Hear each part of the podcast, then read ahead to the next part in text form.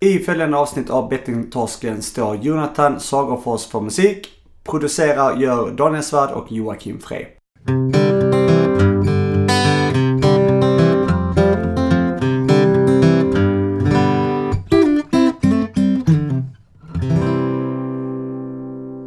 Hej och välkomna till Bettingtorsken avsnitt 23. Hej Jocke. Tjena Daniel. Eh, idag är det 23 som sagt.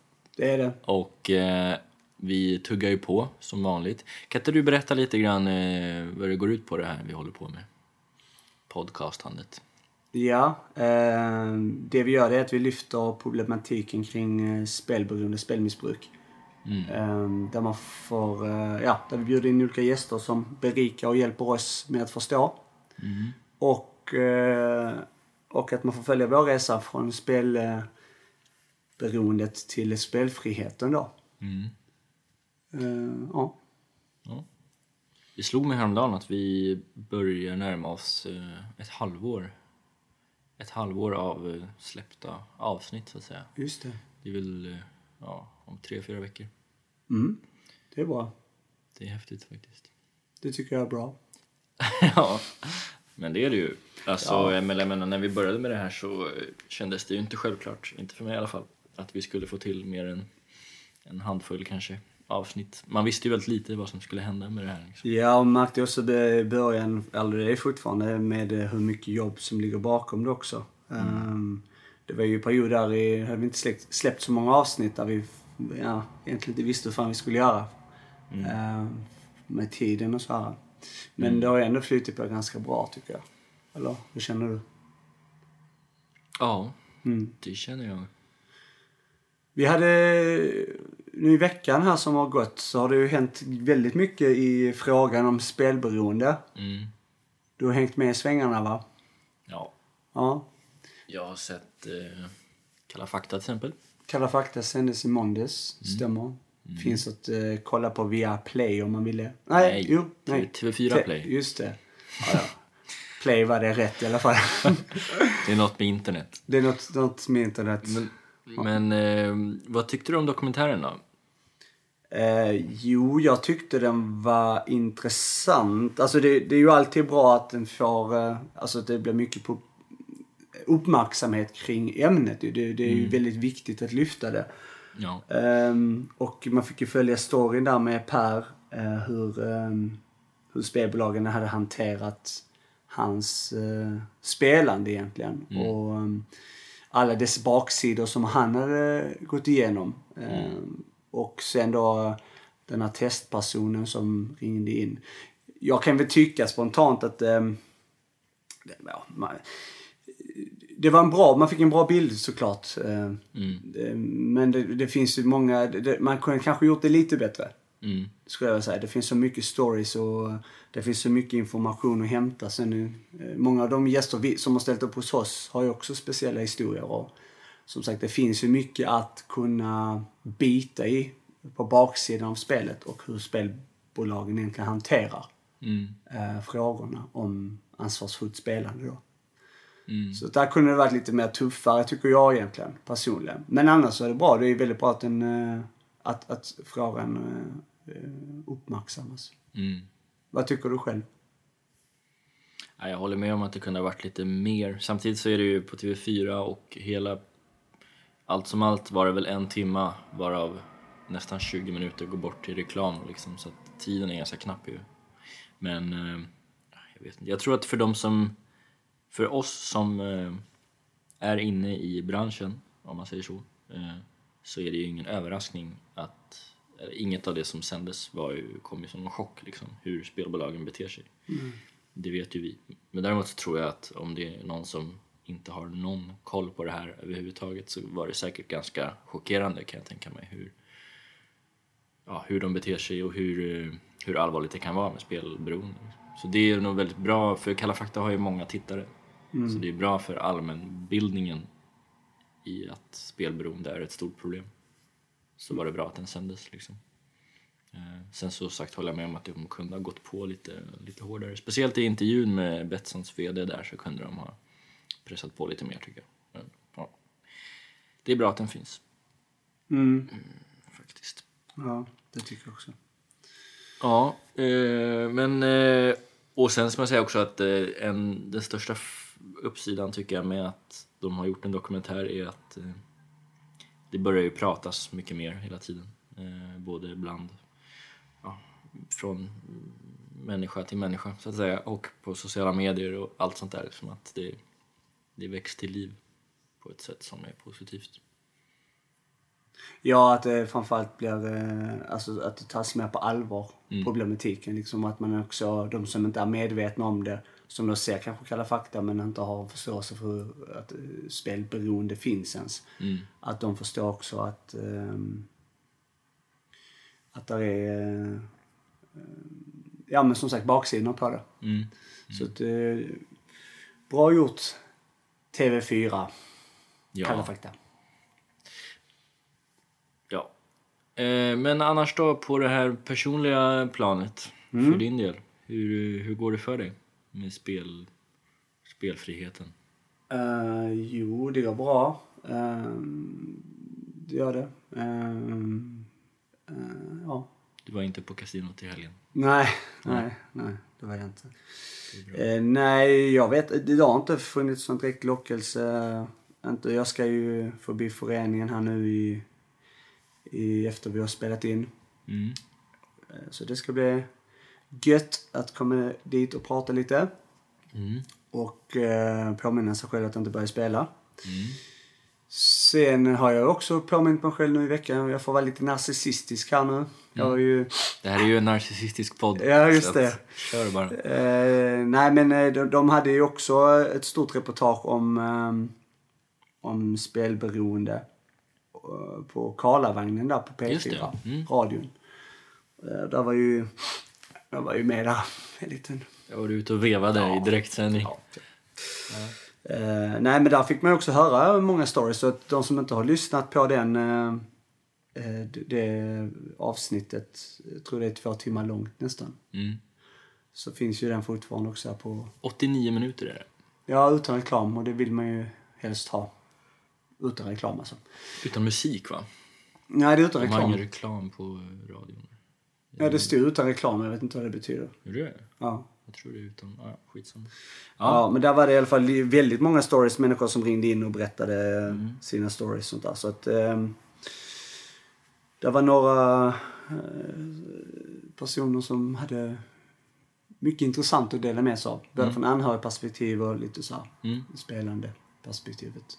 Så in och lyssna på den, Karlavagnen. Hur fick du reda på att det skulle, att, att det skulle vara spelberoende som ämne? För det hade inte jag någon aning om. Ja, det är väldigt bra eh, faktiskt. Eh, jag fick ett eh, mail om att ehm, eh, där är ju faktiskt Facebook bra då.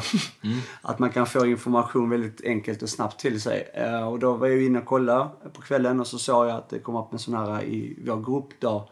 Där finns en grupp för just spelberoende. Och det kan också vara bra för människor att veta om. Det finns eh, öppna spelberoendegrupper som man kan eh, bli medlem i. Där man kan diskutera och få hjälp och så.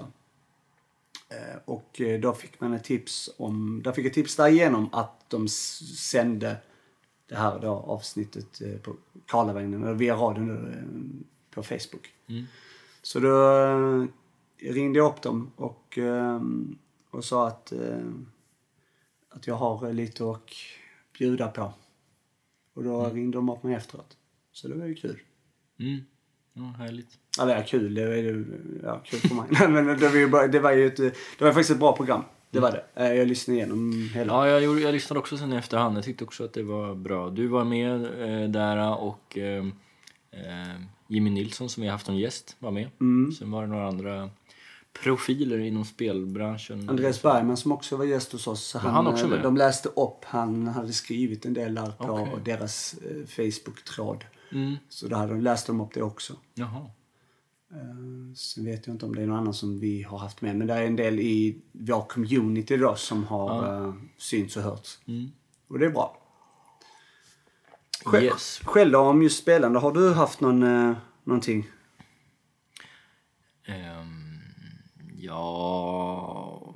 Ja, alltså jag har haft, nej inte direkt något nytt så faktiskt. Jag har haft en lite längre period ju där jag har känt mig lite mer instabil än tidigare. Alltså när vi slutade spela, från, från det liksom, mars någon gång, eller vad det var, så fram tills eh, för kanske någon månad sedan, en och en halv kanske, så har jag känt mig väldigt trygg i som spelfriheten. Det var jobbigt där du vet när all, fotbollen började igen, alltså de stora ligorna och det här liksom. Men, eh, men det var ju bara någon vecka som... Men nu på slutet så har jag känt mig ganska... Det är svårt att säga exakt, eh, sätta fingret på liksom känslan. Det, men det, bara, det har bara känts... Eh, eh, ja, lite mer liksom bräckligt eller sådär. Det kan närmare ett eh, återfall än tidigare. Liksom. Och inte sådär jättenära så att jag eh, har varit på riktigt liksom, orolig så kanske men, men ändå att det har gått lite grann åt fel håll eller vad man ska säga. Men jag tror också att det kommer att, man får nog vänja sig vid det tror jag. Vad har du går- tänkt när det har kommit liksom såna här eh, känslor? Vad har du, hur har du hanterat dem? Jag försöker tänka mycket på, det är någonting, ja, jag försöker tänka, sätta mig in i hur mitt liv skulle bli om jag spelade igen. Alltså, försöka tänka mig in i vad jag skulle få för tankar och känslor och, och hur livet skulle se ut om jag tog ett återfall. Och det är ju inte någonting lockande direkt om man tänker på det sättet. Alltså, man hade ju behövt i alla fall ta ett break från det här liksom. Poddandet. Eh, många som hade blivit besvikna. Och jag själv framförallt. Och, ja men du vet sådär. Ehm, det hade ju känts som att börja om på noll. Efter att man har kommit en lång, lång bit på vägen. Liksom. Så att, ehm, ja. Men eh, det kommer säkert bli bättre snart. Men det har varit en lite så här eh, ostadig period. Ehm, men som sagt, jag tror att man ska inte vara så rädd för det heller kanske. Utan eh, räkna med att det kommer vara lite upp och ner. Jag tror att det har varit att du har lyft, liksom haft mycket tid över nu när inte du har kunnat fokusera på spel och hitta rätt odds och allt det där. Ja, Jagandet. tror du att det är säkert. tidsmässigt liksom? För då har ju, nu har ju träningen också avtagit Mm, en del. mm. Tror du att det har någon koppling? Alltså att du har haft mer fritid, så att säga. Mm. Det kan det säkert ha. Alltså det där med tiden har jag tänkt mycket på annars också. Att eh, Vad mycket tid det blir över alltså. När man inte tänker på spel och håller på och spelar. Ja. Ja, nej men eh, jag har inte spelat i alla fall så det är ju väldigt positivt. Mm, det är jättebra. Eh, Det, det är alltid något. Mm, det är bra. Det är riktigt bra. Ja. Ja, eh, ska vi eh, rulla in gästen eller? Absolut. Mm. Ska du presentera vår gäst för kommande, Ja. eller detta avsnittet då? Ja, eh, gästen heter Henrik Lindberg och ehm, han eh, har ju... Han har jobbat mycket med de, de här man säga, tekniska och programmerardelarna inom spelbranschen. Han har varit med och tagit fram diverse olika verktyg för att mäta eh, spelande och eh, liksom riskanalyser och sådär inom spelberoende. Eh, och eh, ja, ett statistiskt eh, geni skulle man kunna säga faktiskt. Ja, alltså jag är extremt glad att vi har med Henrik. Alltså Mm. verkligen. Eh, för det här är ju en person som, som eh, berättar för oss vad som händer bakom Mm. kulisserna egentligen. Eh, vi vet ju när vi loggar in och ska spela på kasino så ser vi bara en slottsmaskin som rullar eller Mm. Eh, eller det finns, ja exempelvis. Och då vet, då kan man ju få, så tänker man, ja men går, går det att vinna på det här? Mm. Så säger man, ja men det är programmerat att man inte kan. Och det är hör, roligt att höra den personen som har varit där Mm. och liksom jobbat med den här programmeringen. Och kan då berätta för oss hur det verkligen eh, ligger till liksom. Mm. Eh, och då framförallt också eh, Playscan ehm, verktyget då om eh, ansvarsfullt spelande. Att man kan kolla sina mönster om eh, sitt beteende hur man, hur, och det alltid mäts ju. Och det har han ehm, väldigt bra kunskap om. Så det är Mm. väldigt kul att ha med eh, Henrik faktiskt. Ja, han blir ju han blir ju först, den första gästen i sitt slag så att säga. Precis. Ja, så det är kanon. Man kan följa honom på Twitter för mycket intressant om spel, spelbranschen. Ja. Och eh, härlig att lyssna på. Vi, vi sa ju det, vi hade kunnat hålla på i dagar också Mm, eh, med han. Så att, eh, ja. Det är väl bara att välkomna in. Det är det. Henrik Lindberg i Bettingtorsken.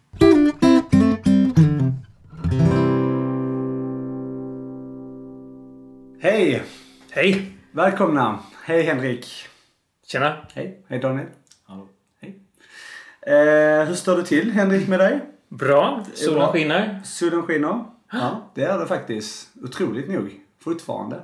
Eh, sommaren är inte slut än. Nej. Vem, vem är du Henrik? Om man börjar där.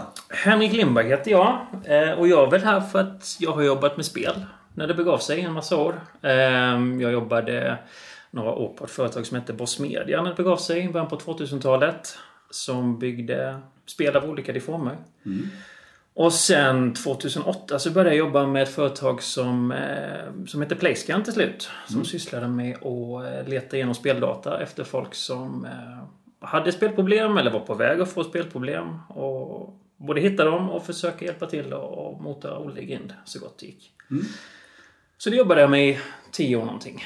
Och det är väl därför jag är här. Ja. Ja, Du, hur eh, gammal är du? Om man får fråga. ja det får man. 37. 37. Okej, nice. ja. Eh, vad, vad har, du, har du någon sån här eh, intressen eller hobby och så här? Förutom eh, jobb och allt annat? Jag är ju rätt hemtam. Um, skaffade hus för ett och ett halvt år sedan ute i, uh, ute i Landvetter där jag bor nu då med fru och barn. Ja. Så att, uh, ut och springer någon gång. Ute och springer? Ja. Okej. Men det är mycket jobb med huset och sånt där alltså? Eller? Vi köpte ett ganska färdigt hus. Ja, ni gjorde det? Ja, jag föredrar ju den sista halvleken. Alright. Smart.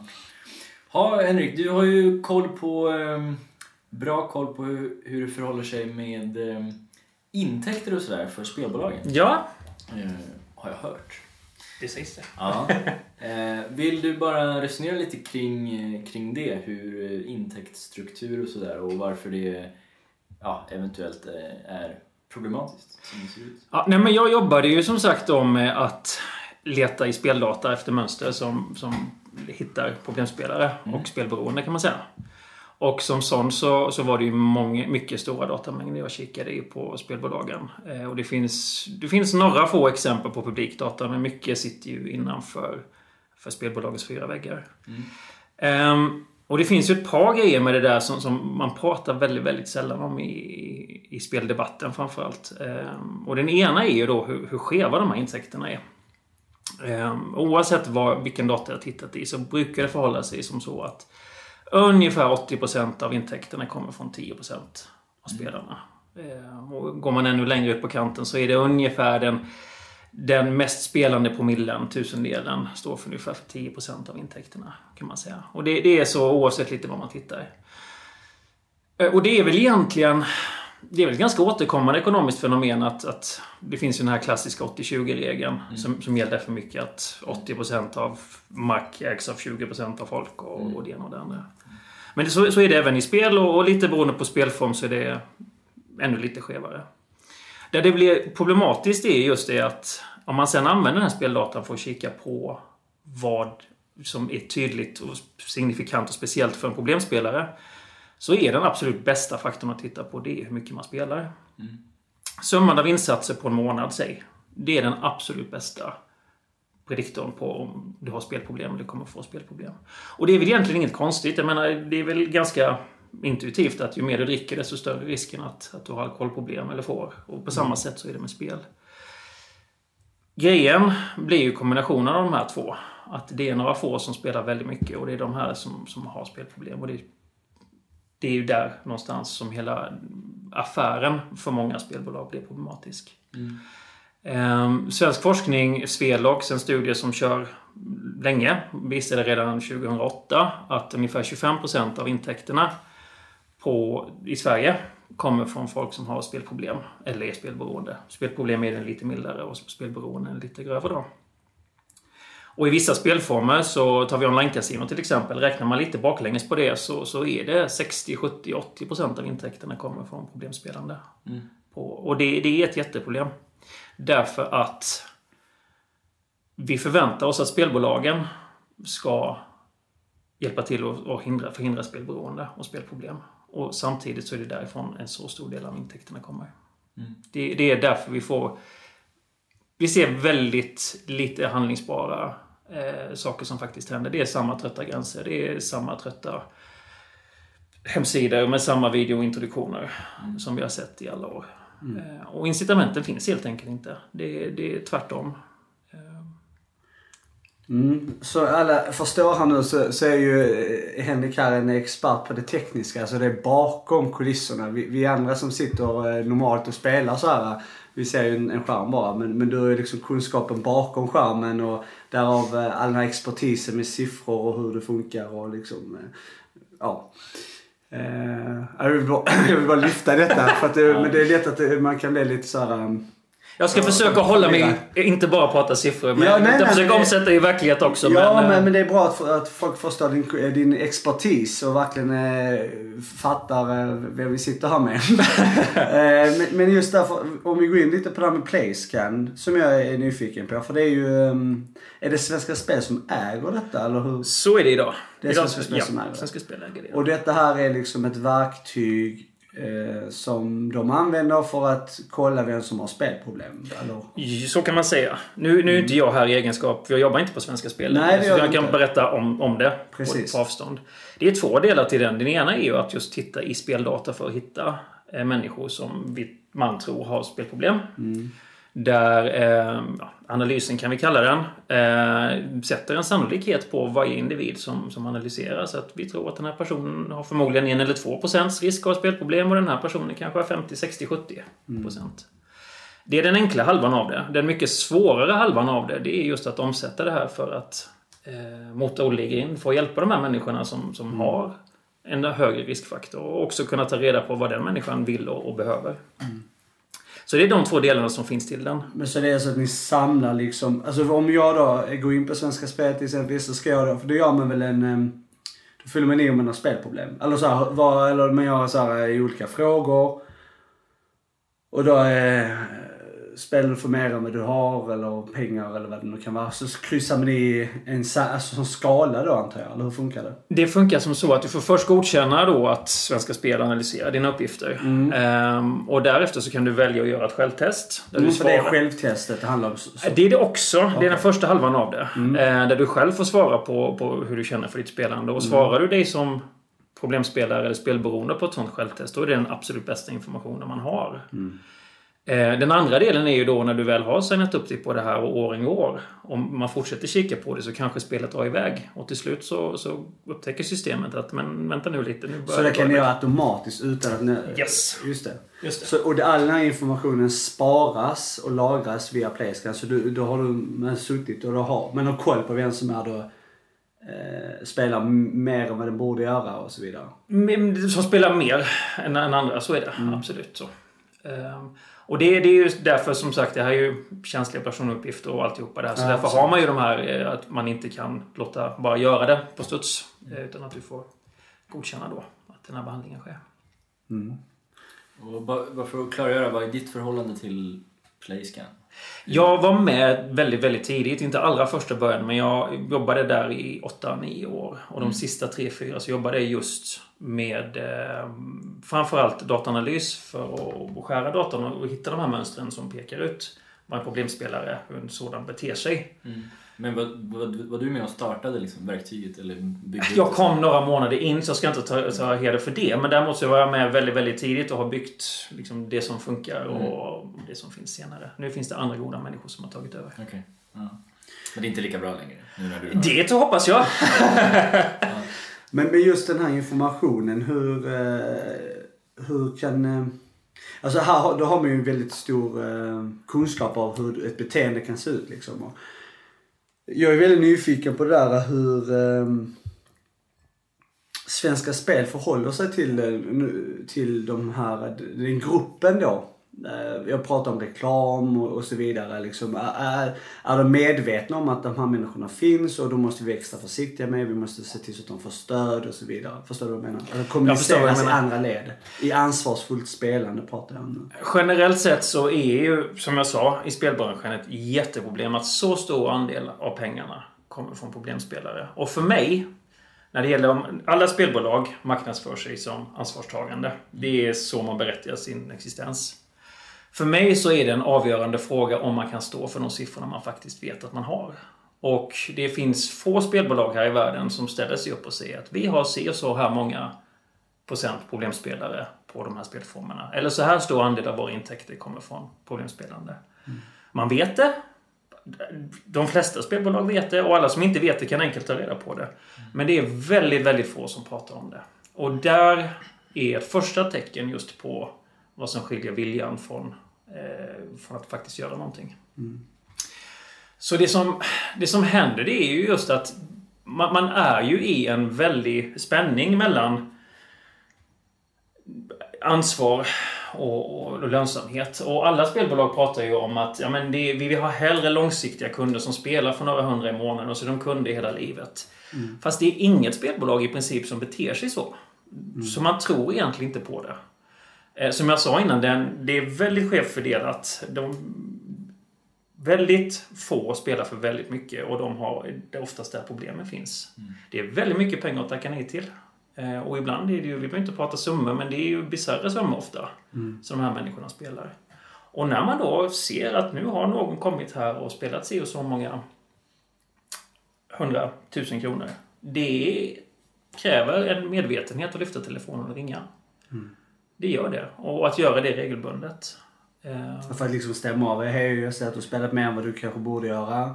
Eh, Så är det. Hur står det till egentligen? Och det finns ju gott om exempel, det vet vi ju, som eh, med bolag, inte Svenska Spel, absolut inte här, men som just spelar du för de här summorna så får du många samtal från trevliga kundtjänstrepresentanter som frågar om allt är bra och familjen mår. Säga det, de lyfter ju luren men det är kanske först för att, som du säger nu, sådana exempel och om man eventuellt lyckas ta en paus så kommer samtalen. Då kommer samtalen. Man är sugen på en bonus. Så är det. Men hur vill du att det skulle se ut? Jag vill bara... Mm, Eh, Hur vill du att det skulle sett ut liksom? För att du har ändå den kunskapen med, med just den delen då. Alltså du vet ju hur man... Hur skulle man hantera dem? Alltså, Det här börjar och slutar med viljan att lösa det här problemet. Viljan att lösa det här problemet. Man vill vilja lösa det. Men man vill inte lösa det eftersom det är så stor andel av pengarna. Och jag pratar absolut inte bara om Svenska Spel, jag pratar om spelbranschen i stort nu. Så man vill vilja, men man vill inte. Ehm, och det är just, ännu en gång, det är så stor andel av intäkterna som man kan inte. Ehm, så det, det måste börja uppifrån. Och sättet som, som många av de här spelbolagen för sig, just för att förhålla sig till den kritiken som ändå kommer, för det finns gott om kritik för det här. Det, det är lite grovt i Sverige, åtminstone två olika strategier. Svenska Spel är väldigt, väldigt duktiga på att flytta konversationer och prata om annat. Senaste året så har ju Svenska Spels stora talking point varit eh, matchfixning. Och de har ju lagt hur mycket bandbredd som helst på det där. Förra Spelakademin, det är en konferens som Svenska Spel håller. Då la man 20 minuter på att prata spelberoende och spelproblem. Och så pratar man matchfixning i 40 minuter och så körde man lite ståuppkomik i en timme. Och det där är väldigt, väldigt symptomatiskt. För matchfixning är inte varför Svenska Spel har fått ett monopol. Det är inte deras ansvar att fixa det. Deras ansvar är de sociala skyddshänsynen. Och lik förbannat så gång på gång på gång så använder man, man byter konversationer och pratar om helt annat. Samtidigt som så använder man spelansvaret för att legitimera all annan verksamhet. Det var väl något år sedan nu Svenska Spel föreslog att sätta ut tusen nya Vegas-maskiner i alkoholfria miljöer.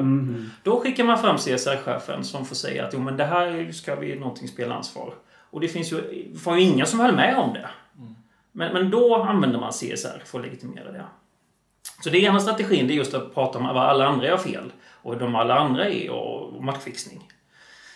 Den andra strategin kommer ju mer från de privata bolagen som, som typiskt ofta är mer politiskt liberala. Det är entreprenörer och alltihopa. de utländska spelbolagen. De utländska spelbolagen. De har ju bara stand-up i en timme. De har bra fester. Det är jättebra fester.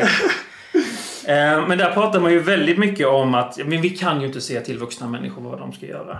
Säger man. Och sen så rycker man på axlarna och sen så Så, den fria viljan.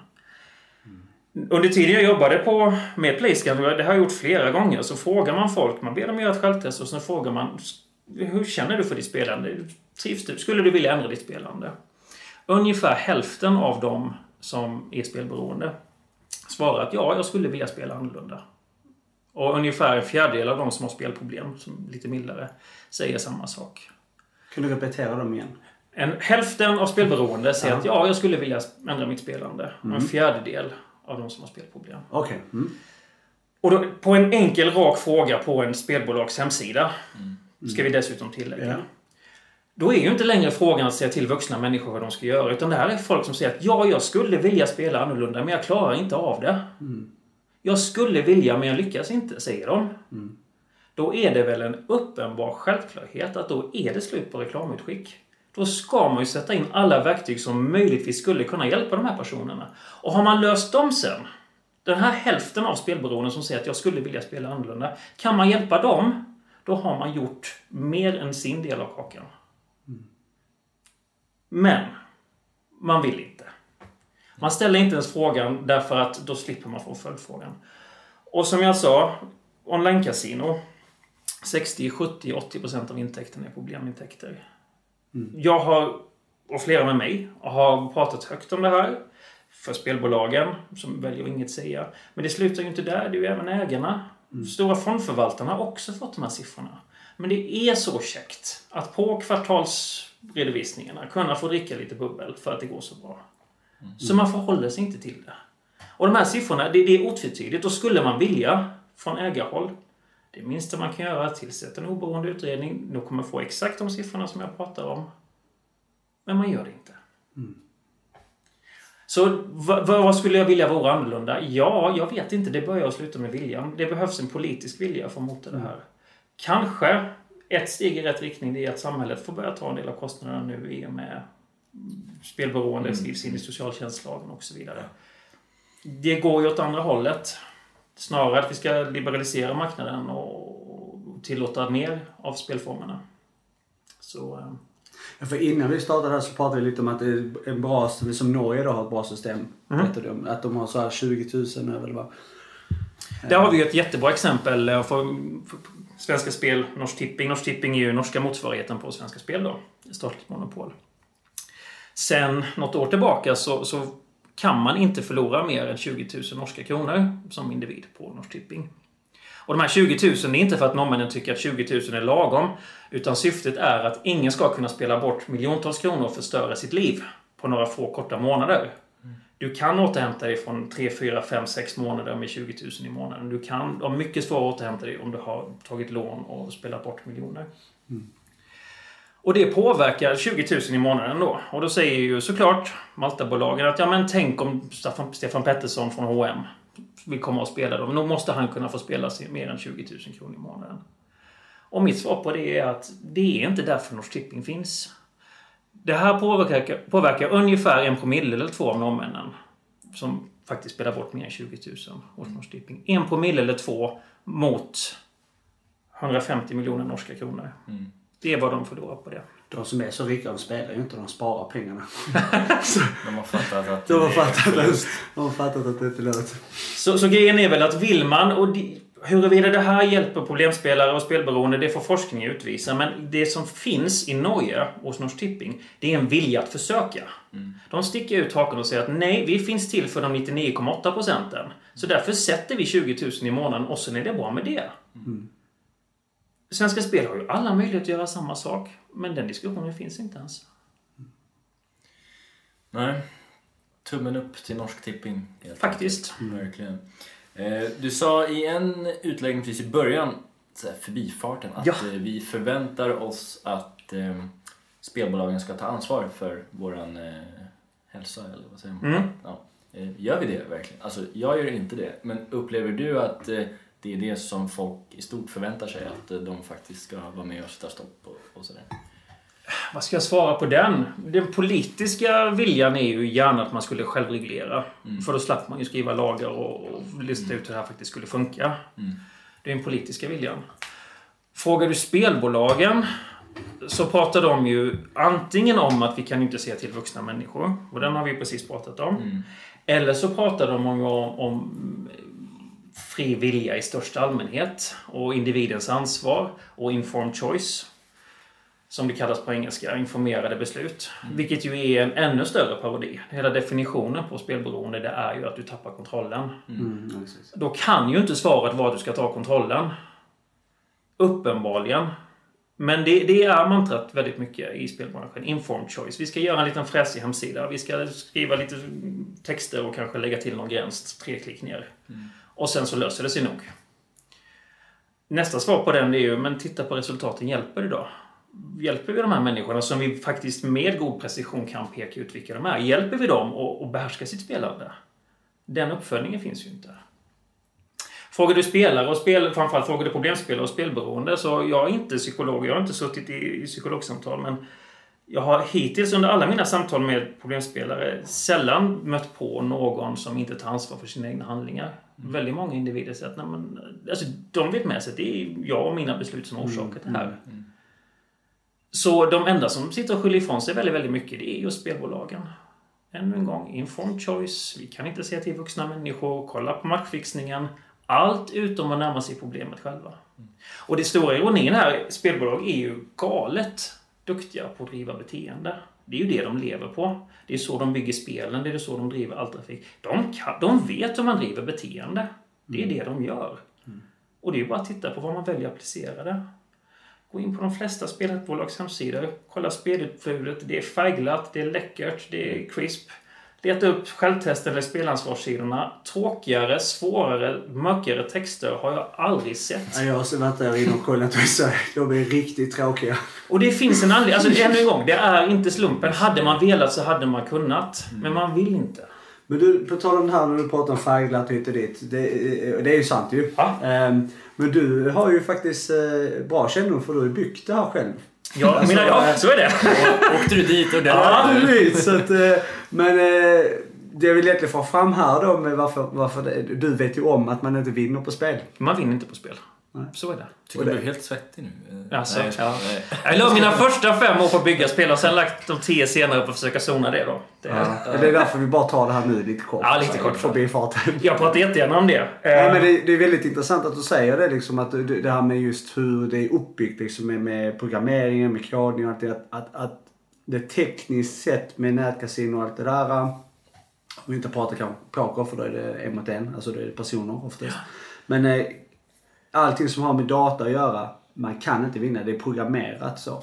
Det är programmerat så och det är ju, det är ju tack vare matematiken, slumpen bakom. Du Mm. kan vinna just idag men ju mer du spelar desto mer förlorar du. Mm. Ja, Det är-. Ja men så är det. Så är det. Vi hade ju ett avsnitt där vi spelade eh, in eh, på, på en färja när vi åkte till eh, Danmark. Jag bara kommer att tänka på det precis, det var så kul. Stökigt avsnitt. Det var stökigt. Vi filmade ju, eller filmade, vi, vi spelade in live. Eller så här. Eh, Och då gick vi ner till spelhallen.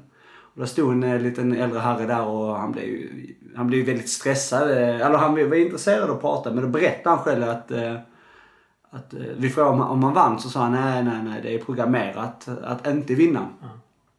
Så sa Daniel, men du stoppar ju mer pengar där nu ju. Ja, ja, ja. Han hade redan själv... Eh, Halva vägen var han så här jättebra på att reflektera. Ja, ja. Och sen så bara tog det stopp liksom. Men det känner man ju igen, eller vad fan, det har väl du och jag fattat också när vi har spelat. Eh, Men han blev så stressad han kan trycka på knappen så alla pengarna blir ut sen. Det var lite synd om honom faktiskt. Ja, det kul.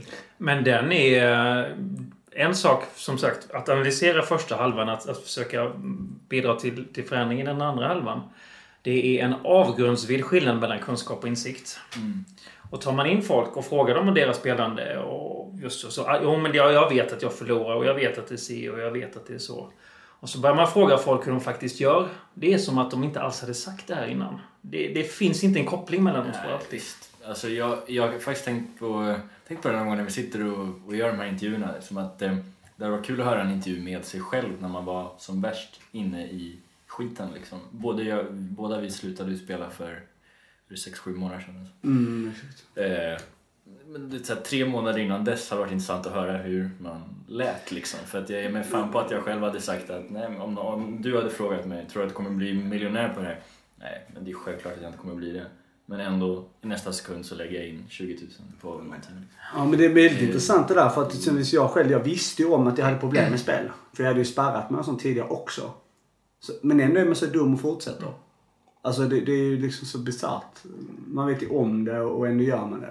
Ja. Vi ska inte gå in i en lång loop om det tror jag inte men Nej. Ofta hamnar man ju i vad som kallas för en ambivalensfas. När, när man funderar på, är det här verkligen det jag vill göra? Man slits mellan att inte vilja och att ändå göra och vilja och allting bara är en enda stor kaos.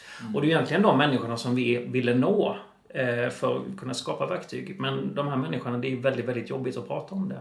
Någon enstaka gång har jag lyckats få tag på en, på en sån här människa och det är ju som du säger, det är ju väldigt konstigt. Man kan prata om att jo, men jag tjänar bra och jag vinner oftast och så vidare. Och sen två minuter senare kan man prata om hur pengarna är slut och man måste låna. Och det, det, det hänger liksom inte ihop. Det är precis då när man har stoppat, eller vunnit lite. Då bara yes, jag, för fan, jag går skitbra nu, vinner jag som fan. Och så, så det fem minuter efter, nej helvete. Måste ringa efter pengar. Någonstans. Ja, tokigt. Eh, om du tittar i spåkulan, Henrik. Ser du att eh, det kommer nå- en ny typ av spelbolag som faktiskt eh, på riktigt tar ansvar? Är det liksom... Finns det något liknande i, i horisonten? Eller är den här världen eh, dömd liksom? Jag, jag är pessimist. Jag har lämnat spelbranschen just därför att jag gav upp. Ehm, jag tror fortfarande att det finns några tydliga tidiga tecken man ska leta efter. Vilka spelbolag är beredda att vara transparenta med sina siffror? Det första steget för vilken förändring man än gör, det är ju att erkänna att problemet finns och börja prata om det. Och det är långt dit. Jag återkommer till Norsk Tipping. De är bäst i klassen mig veterligen och de kan prata om vilka procentsiffror de har utifrån sin data. De gör det av sina anledningar för att behålla sitt monopol, men de pratar åtminstone om det. Ehm, jag tror inte att det kommer komma från en, någon självreglering eh, från branschen. Eh, och den politiska viljan är väl sådär, känns det som. Man pratar ju väldigt mycket om det här spelansvaret. Och den här spelutredningen den har en hel del fiffigheter i sig, men den behöver ju följas upp med lite faktiska, konkreta saker att göra. Men om vi tänker oss... Eh, jag ska fortsätta på den... Eh, Ja, ja, ja. Om, om, om, jag, om vi tänker oss att det sitter några privatpersoner, tror du, ute nu och funderar på, men ska inte vi starta ett spelbolag som är ett bra, är det, finns det några nya Anders Ström liksom, fast, som vill göra det på ett bra sätt med ansvar? Här är nästa. Av alla människor jag har mött under 15 år i branschen så är de allra, allra flesta jättebra, hyggliga människor. Eh, som går till jobbet och gör sin grej och är stolta över det och allting är frid och fröjd. Och det, det, man uppfattar sig som att man är någon vuxen variant på Liseberg oftast. Eller också så har man bara en tidplan att uppfylla. Så, så det, handlar, det här är mer en, en sak som uppstår ur just det här med var pengarna kommer ifrån och vad målen faktiskt är. Får jämföra, tar man alkohol till exempel så i alkoholvärlden så sägs det att 14 glas i veckan kan en, en man dricka. Och då anser vi att ja, men det där är relativt riskfritt. Man har ju från gång till annan varit och nudgat lite för att leta efter en liknande siffra på spel. Och det närmaste man har kommit, oberoende av varandra flera gånger, är 500 spänn i månaden. Mm. 500 spänn i månaden. Om spelbolagen hade satt en gräns på 500 spänn i månaden så hade inget av dem funnits överhuvudtaget. Som sagt, Norsk Tipping satte den vid 20 000 och förlorade 150 miljoner norska kronor om året på det. Men 20 000 är också ganska högt. Alltså, Det är ganska högt. Eller ganska väldigt högt. Och poängen är ju att om du skulle försöka jobba för att få ner en konsumtion till en, vett, till en relativt sett riskfri nivå så försvinner affären. Ja, för jag menar 500 kronor kan ju vara extremt mycket för vissa personer också. Så kan det vara, men inte för spelbolagen i det här Nej, sammanhanget. nej, nej, absolut. Ehm, och även där har vi ju som ett exempel då. Jag pratade om att det är väldigt bra personer som jobbar på spelbolagen och det är det. Men man har en väldigt, väldigt dålig förståelse och intuition för problemet. Ta Svenska Spel en gång till. Går man in på Spela Lagom, som ju är Svenska Spels informationssida. Det finns något som vi kallar för normativ feedback. Och det är när man säger att så här beter sig andra ungefär. Andra spelar för så här mycket, eller dricker så här mycket, eller vad de nu gör. Och det visar sig gång på gång att men det här har ändå en påverkan. Man hajar till, man reflekterar, man kanske anammar en del av det. Går man in på Svenska Spels sida så, så nämner de faktiskt, ja men hur mycket är lagom då? Genom att säga att ja, men det är individuellt. Och så har de ett litet filtklipp. Och det första gubben håller de upp ett en skylt och visar hur mycket de spelar för. Den första gubben som lyfter upp en skylt på Svenska Spels hemsida säger att han spelar för 7 500 i månaden. Mm. Och 7 500 är ganska mycket mer än 500 spänn. Jämför du hur många som spelar 7 500 i månaden så är det ungefär som att Systembolaget skulle säga att ja, vissa dricker lite och vissa dricker mycket. Jag dricker 70 som dagen. Ungefär så mycket är 7 500. Ja, men det är exakt. Och sak samma vad pengarna är. Det, det, på, det är som att dricka en 70 som dagen för Systembolaget. Och det, det händer liksom inte att det... Du, det skulle inte hända. Poängen är att man har inte en intuition eller en vilja eller en förståelse för det. Och det. Men du lämnade branschen på grund av just ansvarsfullt spelande? Att de tog för dåligt ansvar? Eller? Jag blev frustrerad för att jag inte kunde, fick eh, göra, fullfölja alla de här sakerna som jag hade feeling på skulle kunna hjälpa. Jag har provat många saker som inte funkar. Jag har provat några saker som verkar funka. Eh, men långsamma processer, hinder som av goda och mindre goda anledningar sätts upp gjorde att jag, jag vill inte jobba med det längre. Det, det var bara frustrerande.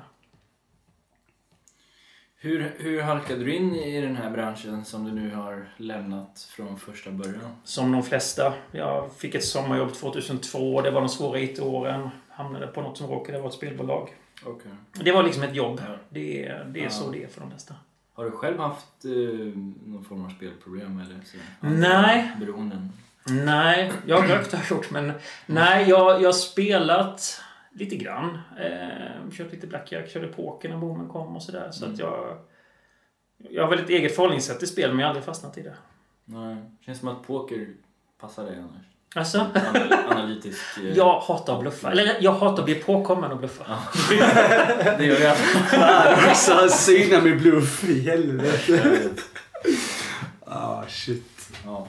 Eh, du, eh, du har ju varit sån här då senioranalytiker heter det på Svenska Spel. Vi har ju pratat lite om det men... Ja.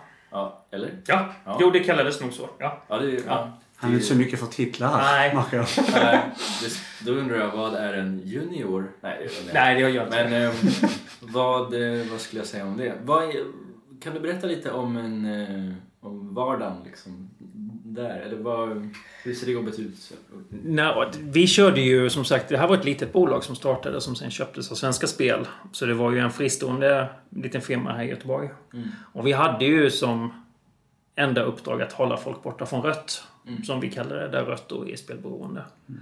Ehm, Så jobbet var ju just den enkla halvan är att hitta dem som är i riskzonen för att ha spelproblem. Det är det som många spelbolag pratar om idag. Men det är den enkla halvan. Om man bara utgår från hur mycket, man, hur mycket insatser man lägger och hur mycket man spelar på andra sajter. Så har du hittat ungefär hälften av de som har spelproblem. Och det är en handlingsbar träffsäkerhet för att börja sluta skicka reklam. Det är en handlingsbar träffsäkerhet för att ha som grund för en ringlista. Det är en handlingsbar träffsäkerhet för en herrans massa saker. Det är den enkla halvan. Så den andra halvan var ju just det här att ge sig ut och prova grejer gentemot användare. Eh, för att se hur man kan få folk att ta kontroll över sitt spelande.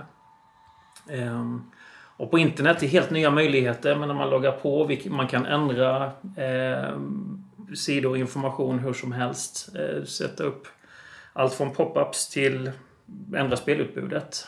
Finns viljan så finns verktygen väldigt mycket. Eh, Så där hade jag ju förmånen att få sitta och jobba med just att eh, försöka hjälpa de här människorna som, som ändå hade sagt att de, jag vill inte spela så här eller som jag anade var på väg att åka ut. Eh, Så det var, visst var, var det ögon på data, men det var verktyget. Utan jobbet var just att uppnå, få folk att spela sundare. Det här verktyget där du köptes upp av Svenska Spel, men eh, används, använder utländska bolag det här verktyget? Några stycken, bland annat Norrstipping faktiskt. Som vi pratar det. om. det finns några stora statliga som, som använder det. Ja. Ehm, inte så Men alla jättemånga. borde ju använda det. Många privata bolag har börjat bygga liknande verktyg nu. Eller framförallt så pratar ju, jag vet Kindred, Unibet, pratar ju om att de har byggt ett sånt här verktyg. Eh, De säger sig att de hittar en halv procent spelberoende eller spelproblem i sin data. Vilket ju är vad befolkningen i stort har. Den faktiska siffran säger ju all forskning är 5-10 procent. Och de använder ju inte de här mätetalen på hur mycket du spelar utan de tittar ju på en massa goa på variabler med om det var fullmåne, om man satte in lite mer eller mindre och, och fram och tillbaka. Eh, Mr Green ett annat bolag som har kört igång nu. Eh, har också byggt ett verktyg för att hitta spelare ännu en gång. Utmaningen är inte att hitta dem utan utmaningen är att faktiskt driva beteendeförändring. Och det är ett olöst problem. Jag hittar dem. Då är det ju bra att kunna ringa och erbjuda bonusar liksom. Ja, Mr, alltså, Mr Green borde ju alla vara med på för det har vi hört på radion att där vinner man ju ena dagen 37 miljoner och andra dagen 18. ja, det är alltid, Samma alltid, alltid samma tjej. Hon har ju jävla tur alltså. Ja, hon är uppe på säkert 60 millar. Och ändå, och, och ändå får hon pengar för, för att ställa upp i reklam. Ja, alltså i visst. te, eh, Ja, ändå så kände hon att hon behövde... Att hon behövde extra pengar Ja. för att vara med Det är inte där riktigt. Det blir en krock sen. Ja, ja, det är stökigt. Vi, vi måste börja runda av tyvärr. Ja, Eh, Jag är ledsen att behöva säga det. Ja. Vi skulle gärna sitta hela kvällen. Men vi kommer fortsätta här nu efter vi har stängt av. Oj, oj, oj, vi ska fortsätta. Men jag lovade ju faktiskt att det skulle ta eh, ja, Ja. viss, viss tid.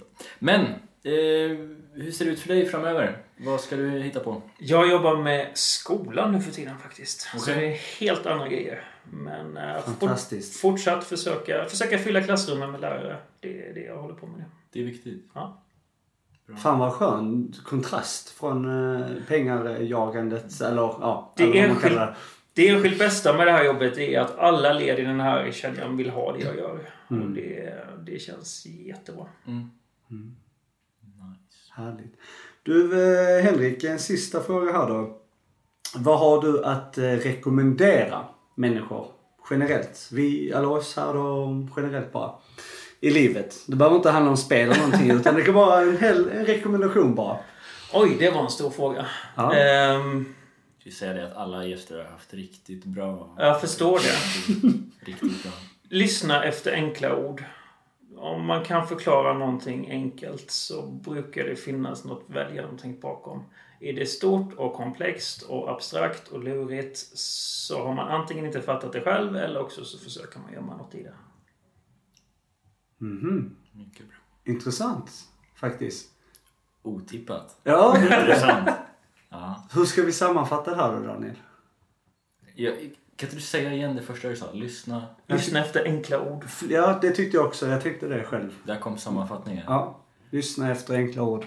Ja. Eh, supertack för att du ville komma förbi. Vi är jätteglada för det. Tack, Tack. så mycket.